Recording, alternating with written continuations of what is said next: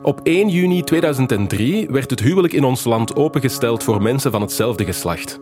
We waren toen het tweede land ter wereld dat het homohuwelijk mogelijk maakte. Voor de wet. Want als homokoppel trouwen voor de kerk, dat ligt nog steeds moeilijk. Terwijl het homohuwelijk voor de wet in ons land 20 jaar geleden al werd goedgekeurd. Audiomaker Laurens Bervoets ging op zoek naar een priester die hem en zijn partner Simon wilde huwen. Die zoektocht legde hij vast in de vijfdelige podcastserie Geloof in ons. Voorproevers.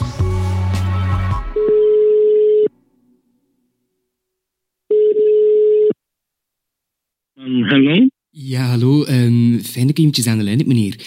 Um, ik had eens eigenlijk een kleine vraag voor jullie. Um, ja. Mijn man en ik, wij zijn net voor de wet getrouwd als twee mannen, maar wij zouden dat ook graag voor de kerk doen. Uh, heeft u weet van een priester die dat, dat zou zien zitten om dat te doen, voor ons twee mannen huwen voor de kerk? Hallo? Ja, Laurens, heftig. Iets zegt me dat die zoektocht niet zo vanzelfsprekend was. Nee, nee. Ik had gehoopt dat die zoektocht heel snel gedaan ging zijn, uh, maar dat was hem niet.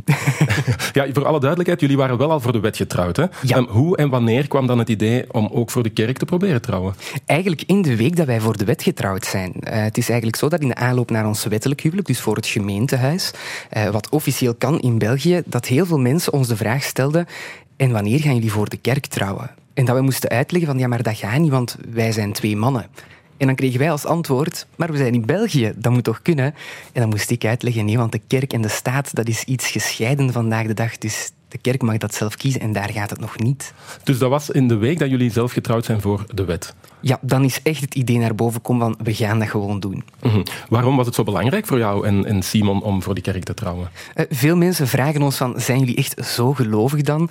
Um, nee, of toch niet zo katholiek christelijk als uit de podcast. Ja, het gaat allemaal over de kerk. Wij zijn niet zo gelovig. Maar het ging bij ons vooral over, wij willen niet anders zijn. En wij wilden dat een beetje aankaarten van, ja, er zijn nog altijd plekken waar we effectief minder krijgen dan het zogenaamde normale. En dat wilden we even wel eens een keer terug in de kijker zetten. En als je zegt niet zo gelovig, hoe zou je je band, of jullie band misschien, met religie of met het geloof omschrijven? Ik denk zoals de meeste leeftijdsgenoten die in de 90s zijn geboren hier in Vlaanderen, die uh, ja, hun doopsel nog hebben gedaan, hun communie hebben gedaan. Um, maar op het moment dat je um, als homo zijnde dan, kan ik spreken, uit de kast komt, dan keer je daar een beetje je rug naartoe, omdat je weet dat is daar niet zo toegestaan als het daarbuiten soms is.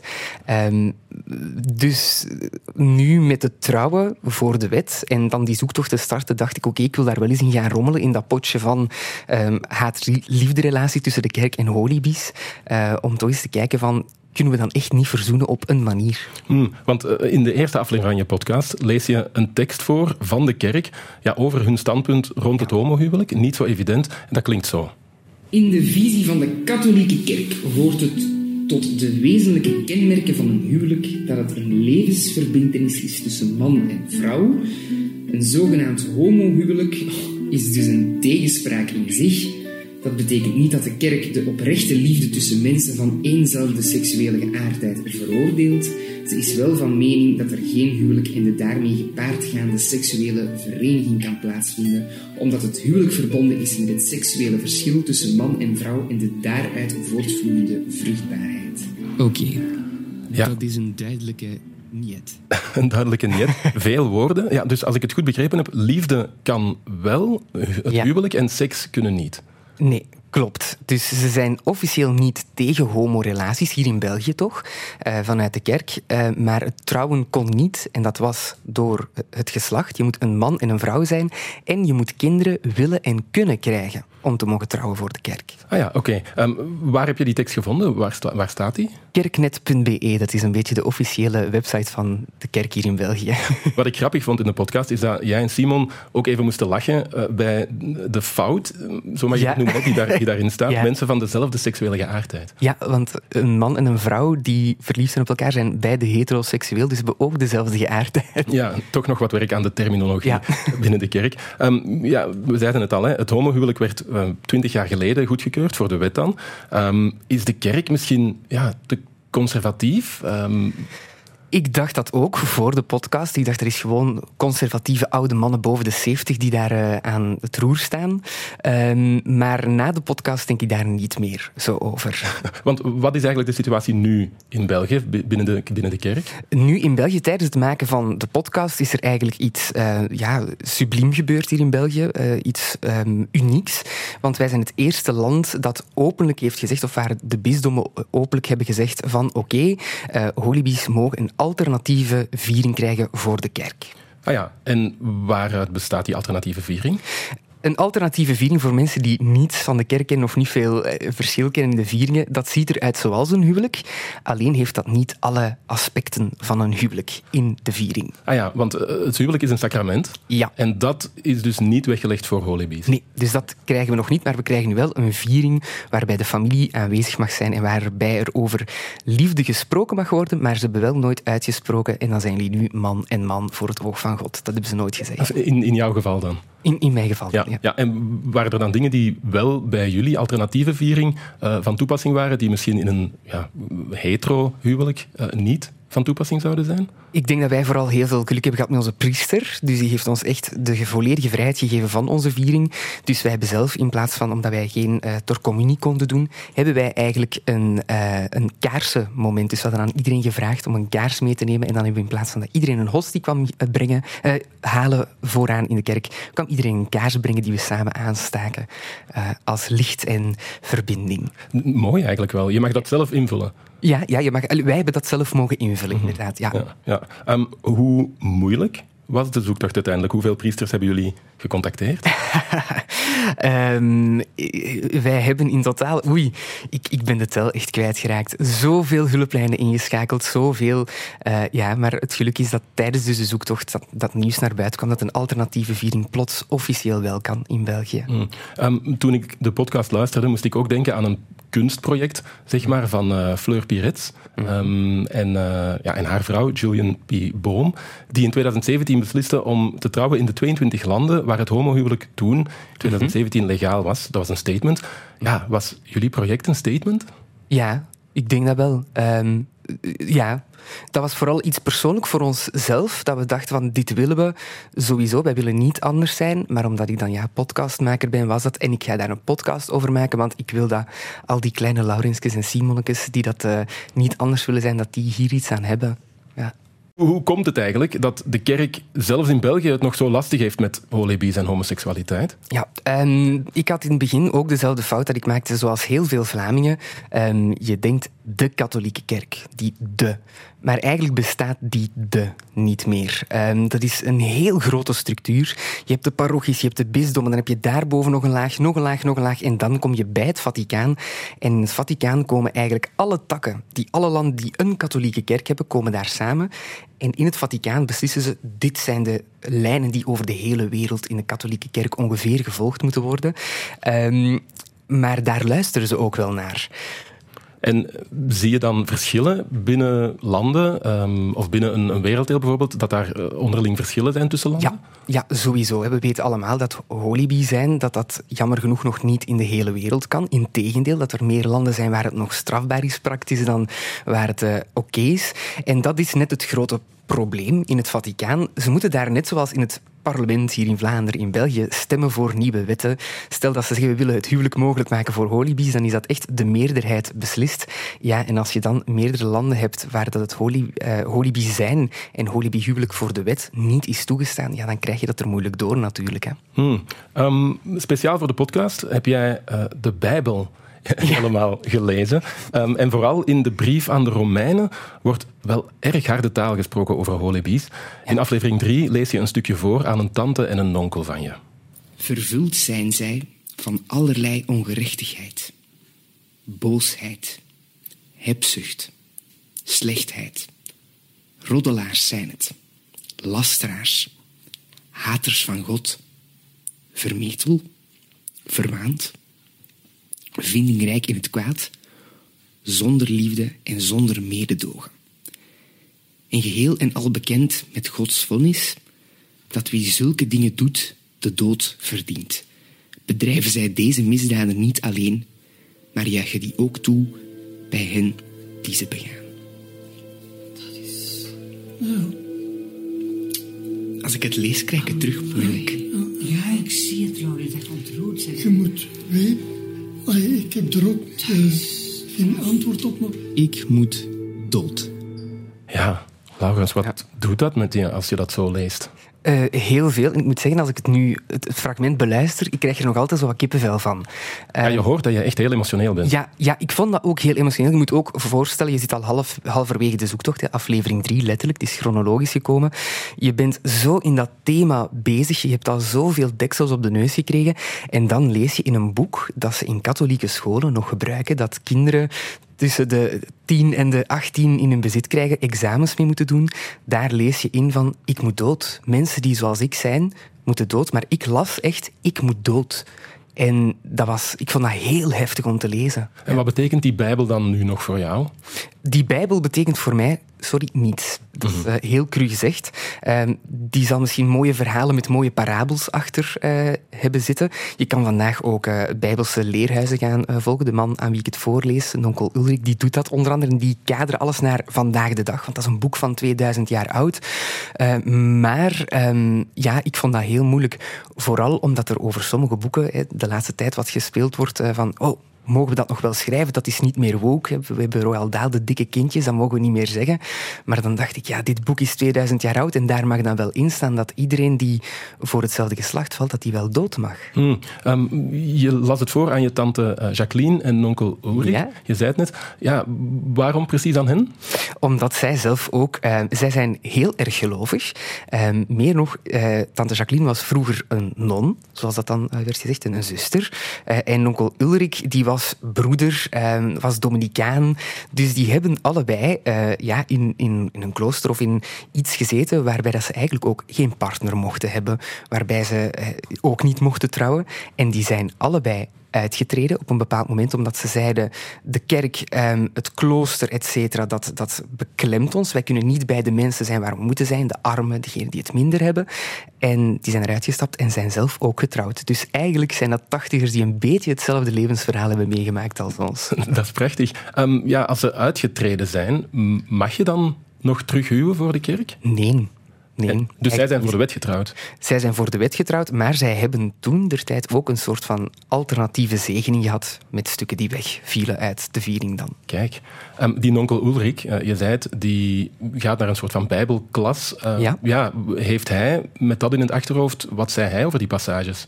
Ehm, hij heeft heel veel passages voor mij eigenlijk kunnen kaderen, maar deze, ja, hij zei dat hier ook van. Dat kan ik niet kaderen. Het enige wat hij meegaf was van: oké, kijk, dat is toen 2000 jaar geleden geschreven. En de brief aan de Romeinen zou ook een brief zijn eh, geweest, eh, geschreven door, ik ben eventjes vergeten de welke het nu exact weer geschreven heeft. Eh, en die was op dat moment eigenlijk heel boos. Dus die schreef een heel boze brief. En hij zegt, en daarom dat daar zo'n grof taalgebruik in wordt gebruikt. Ja, je merkt echt wel, er zit vitriool in die, eh, in Ja. die tekst. Ehm, wat voor lectuur is de Bijbel voor de rest?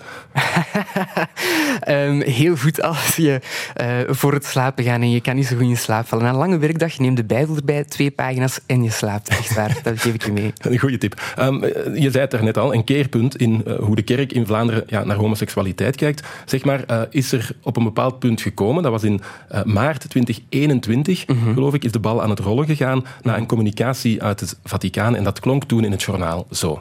De Antwerpse bisschop Bonny is boos en beschaamd over het hernieuwde standpunt van het Vaticaan over homoseksualiteit, zegt hij.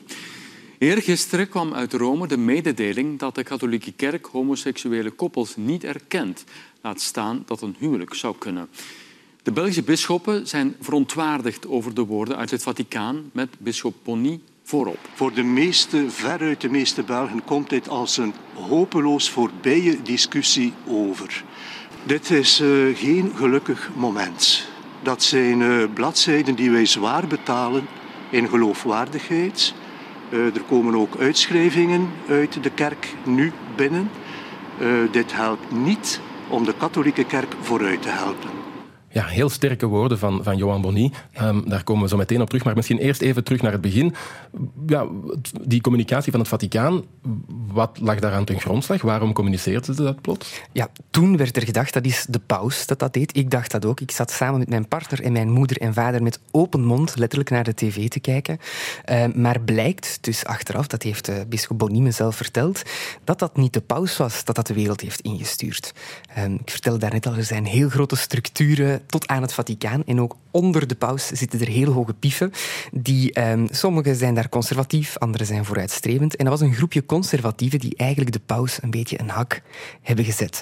Um, hoe kan dat gebeuren? Ja, de paus kan niet alle communicatie die gebeurt, jammer genoeg, ter wereld uh, nalezen, goedkeuren. Maar die mannen zijn daar, dat heeft Bisschop Bonny, zegt hij, uh, met uh, paus Franciscus uh, besproken. Die mannen die dat hebben gedaan, die zijn uit hun functie ontheven en zijn echt wel een paar uh, ja, tredes op de ladder naar beneden mogen gaan. Ja, en dat mocht misschien ook wel, hè, want ja, die, die communicatie bracht een storm van protest uh, op gang. Ja. Mensen lieten zich massaal ontdopen. Ja, hoe hard heb jij getwijfeld? Ben je, ben, heb je je laten ontdopen? Ik heb op dat moment, ik had eigenlijk mijn brief echt al geschreven. Maar dan dacht ik, ja, dat was ook nog zo in de nasleep van COVID. En ik, ik had het een beetje gehad met die negativiteit toen. Um, dat kroop ook in onze kleren effectief. Zo, want er, ja, er wordt ineens heel veel rond gedaan. In België ook. Ook de tegenstanders in België springen daar dan heel hard op van holibies, dat kan niet. Maar wat ik nu wel met de podcast had voorgenomen, is oké, als we niks kunnen krijgen bij de kerk als alternatief of als huwelijk, dan ga ik mij laten ontdopen en dan stopt het hier ook en stap ik nooit nog een kerk binnen. Dat was een make-or-break momentje. Ja. Oké, okay, ja. okay. um, ik heb me toen wel laten ontdopen. Ik was een van die mensen. Um, ik kwam er daardoor trouwens achter, uh, toen ik een mail terugkreeg van, uh, van het bisdom, dat ik in de Sint-Willy-Broduskerk in Broggerhout gedoopt Echt? ben. Ja, een kerk die in jullie podcast ook een belangrijke rol speelt. Ja, ja, ja, Voor de, voor de petit histoire. Klopt. um, ja, de Belgische bisschoppen waren daar dus niet mee opgezet. Hè. Dat maakte nee. Johan Bonny heel duidelijk. Wat was hun reactie precies? Um, vooral uh, Bonny is daar heel erg opgesprongen. Um, die heeft echt... Hij heeft nooit... Jawel, hij heeft gezegd, dit, deze communicatie, daar staan wij niet achter, sowieso niet, de boodschap. Maar bij hem ging het er gewoon over van, dit, dit moet je gewoon anno de, de, de 21e eeuw niet meer doen, zeker niet in België, want dat is een discussie die wij hier in België eigenlijk wettelijk gezien al 30, 40, misschien zelfs 50 jaar geleden hebben gehad van, die mannen zijn niet ziek en die zijn gewoon zichzelf. En hoe reageerde het Vaticaan dan op die demarche, laat ons maar zeggen, van, van uh, Bonny? Um, eigenlijk werd hij daar heel erg in gesteund. Dat is opvallend. Uh, ja, werd hij daar heel erg in gesteund. Natuurlijk, er zijn ook hoge pieven die dat niet steunen, maar de paus zelf heeft eigenlijk ook de aanzet gegeven voor die alternatieve viering hier in België. De paus heeft eigenlijk aan alle landen opgeroepen die hier um, in het Vaticaan meezitten van kijk, probeer de mensen die anders zijn dan het doorsnee wat wij zien, man, vrouw, dat is oké. Okay. Probeer hen toch bij de kerk te betrekken en hen te laten zijn wie ze zijn. Uh, het moet geen huwelijk huwelijk zijn, maar geef hen iets. En dat is waardoor uh, de Belgische bisschoppen daarop gesprongen zijn en wij dus eigenlijk officieel het eerste land zijn dat een officieel moment aanbiedt. Een voortrekkersrol. En ja, paradoxaal genoeg kwam die dan na een uh, ja, conservatieve communicatie ja. vanuit het Vaticaan. Ja. Um, je had voor de podcast ook een gesprek hè, met Johan Bonny. Ja. Um, belangrijk gesprek voor ja. jou. Mm -hmm. hoe, hoe, was dat? Um, ik moet zeggen, als ik hem niet had ontmoet, dan, um, dan had ik nu denk ik nooit nog over de kerk gesproken. Ja, hij is echt de man. Ik, ik stond echt op dat punt in de zoektocht, en je hoort dat ook in de podcast. Ik stond op instort. Ik was heel kwaad op de kerk vooral. Ik had echt zoiets van ja, jullie verspreiden haat. Dat heb ik letterlijk echt gedacht. Jullie verspreiden haat. Um, tot ik bij Bisschop Bonny kwam en dan zag, ja, maar die man die is het helemaal niet eens met wat dat daar heel, heel, helemaal van boven wordt gezegd. En toen ben ik dus achter heel die structuur en al die petit histoires daarachter gekomen. Um, en voilà. Laurens, ja, als je nu terugkijkt, um, hoe was het eigenlijk voor jou om een podcast te maken over zo'n persoonlijk thema? Ik had het al van mede-podcastmakers heel erg gehoord, van dat is echt, dat kruipt in je kleren. Maar ik dacht, maar ja, dat zal wel meevallen. Het gaat ook over de kerk. Ik ben al lang uit de kast, dat gaat mij niks doen. Tegendeel is, uh, is waar, echt waar. Dat was zo, zo intens. Ik heb echt op heel veel momenten gedacht... En nu gooi ik de handdoek in de ring en echt laat het maar. Ja, want als luisteraar hoor je ook dat jij zelf echt een evolutie doormaakt in jouw relatie met de kerk. Ja, klopt, klopt. Ik vond het ook belangrijk dat hij erin zat, maar daarvoor moest ik eigenlijk geen moeite doen. Dat kwam echt heel natuurlijk. Mhm. ja. Heb je een favoriete aflevering? Mijn favoriete af... Oh, ik heb er twee. Aflevering drie. Ehm, omdat dat echt mijn dieptepunt is. Omdat dat ook, ehm, als ik dat achteraf terug beluister en als ik eraan aan het werken was, daar zitten echt veel emoties in, eh, wat je hoort. Maar ook echt, ik, ik denk dat ik die aflevering echt huilend altijd heb zitten monteren. Omdat dat echt nog altijd binnenkwam. En dan natuurlijk aflevering 5, waarin de, de ontknoping gebeurt. En waar dat ik ook eh, durf in een volle kerk eh, mijn gedachten zeggen eigenlijk. Hmm. Ehm, die afleveringen beginnen allemaal op dezelfde manier, hè, met een eh, ja, bijbelcitaat over mannen Ja. die op mannen vallen. Het zijn er nogal wat. Ja. Ja, hoe ben je op dat idee gekomen om zo de podcast te starten? Omdat dat echt zo was dat ik de, de Bijbel las. Als er zo'n passages inkwamen, hoorde ik echt een, een heel zware mannenstem. Precies God. hè. We stellen God altijd voor als een man, sorry. Ehm, en zo klonk dat in mijn hoofd. En ik dacht, ik wil dat de mensen echt voelen hoe dat, dat voor mij voelt. En vandaar dat ik een, eh, een onkel die een hele grote baritonstem heeft, daar heb Ik ingestoken. vroeg het me af, wie, van wie is die stem in godsnaam? Van de onkel van mijn, van mijn man, dus kijk. Ah ja, ja oké, oké. En die begintune brengt je ook meteen in de juiste stemming. Eh, Wie heeft de muziek gemaakt? Mijn- eh, De muziek is vooral door mijn neef, Matthias Bervoets. Eh, hij heeft heel veel liedjes gemaakt en anderen heeft hij ook eh, ja, eens naar geluisterd en gekeken. Moet daar nog iets aan gesleuteld worden? En die heeft dat fantastisch gedaan. Hmm, ja, hoe hebben jullie die gebriefd eigenlijk? Ah, wel, dat is heel leuk gebeurd. Ehm, ik maakte de aflevering eh, met, met muziek waar ik vond, hier zit mijn gevoel in, maar nog niet helemaal. En dan eh, stuurde ik die aflevering door met muziek. Zei ik van, zo'n gevoel wil ik ongeveer. Dan schreef ik dan nog eens neer, deze, deze, deze, deze gevoelen moeten zo wat gemixt worden. En dan luisterde hij ook nog naar de aflevering zonder muziek en begon hij gewoon te spelen en op te nemen terwijl hij mij in zijn oren hoorde. Dus hij heeft dat prachtig gedaan. Ja, heel mooi. Hoe lang heb je uiteindelijk aan die podcast gewerkt, Laurens? Ehm, ik heb daar straks al gezegd, het is in de week van ons wettelijk huwelijk begonnen, officieel. Eh, dat was, eh, we zijn 30 april getrouwd, dus een, een pak zeven dagen ervoor. Pakt ergens 20 april zijn we gestart, 2022. En de podcast is online gekomen in eh, eind maart, begin april 2023, dus ja, net geen jaar. Hmm, Ja, en je hebt ongelooflijk ook veel research moeten doen, neem ik Ja, aan. Als ik je ja. zo hoor vertellen hier over de kerk en de werking van de kerk, je bent precies een expert geworden. Heel veel mensen zeggen mij dat. Eh, Zo voel ik mij niet, maar ja, je moet research doen, denk ik. Ook omdat ehm, ik een soort van ja, kritiek uit. En ik vind altijd, je mag kritiek uiten, maar die moet gegrond zijn. Je moet je dan echt wel baseren op zaken die kloppen. Hmm. Ehm, de meningen binnen de LGBTQ-gemeenschappen, laat ons maar zeggen, eh, zijn verdeeld, kunnen we stellen. Over, ja, enerzijds is er, zijn er mensen die vinden we moeten streven naar dezelfde Ja. dingen als de hetero's. Eh, en er zijn mensen die vinden nee, laat ons dat niet doen en laat ons vooral onze eigen tradities en Ja. standaarden eh, creëren. Hoe kijk jij daarnaar?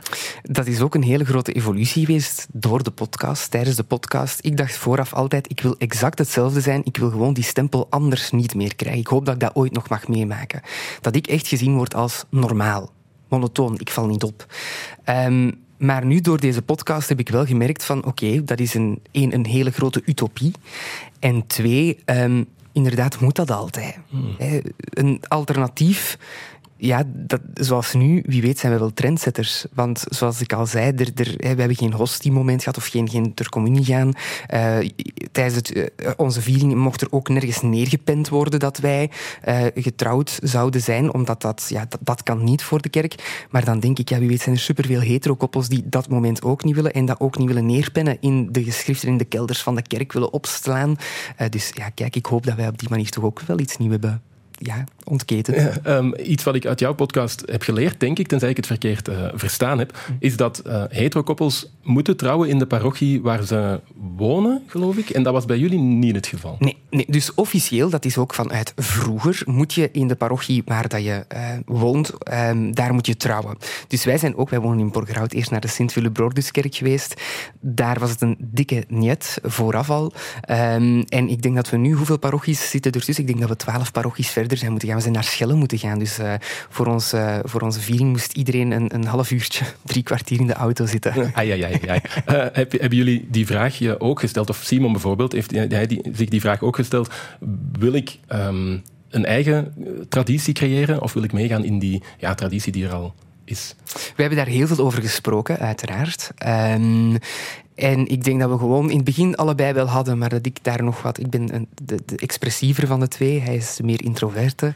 Uh, dat we allebei wel iets hadden van, we willen zo normaal mogelijk zijn, maar dat we nu ook zoiets hebben, zolang wij met twee het oké vinden, onze dichtste vrienden, onze ouders, en ja, die, die, die, die, die, die close circle rond je, zolang die het allemaal oké vinden, is het eigenlijk ook wel oké. Hmm. Ja, want het is toch ook wel iets om trots op te zijn, hè? hoor je ook vaak binnen de LGBTQ community. Uh, ja. ja, wees trots. Uh, ja. Dan mag het misschien ook wel afwijken. Ja, het mag afwijken. En soms, en dat klinkt misschien een beetje heel, heel cru, moet het ook gewoon, als je slecht voelt, moet je echt net voor iedereen die een beetje anders is, dat zeg ik ook in de podcast, moet je doorbijten en moet je zeggen, en ik laat niet zien dat het mij deert, want alleen op die manier gaan we eruit geraken. Ja, en dat doet me denken aan um, priesters die homo zijn, want die zijn er mhm. uiteraard ook. Ja. Uh, je bent er met een paar gaan praten in mm -hmm. de mhm. podcast. Eén ehm, daarvan was Bernard de Kok, ja. geloof ik. Um, ja, hoe, hoe, hoe, was het om hem te ontmoeten? Ja, dus hij is een Dominicaan en hij had eigenlijk een doctoraat geschreven, een theologisch doctoraat, dus een doctoraat voor de kerk, over homoseksualiteit in de kerk, al een tiental jaar geleden.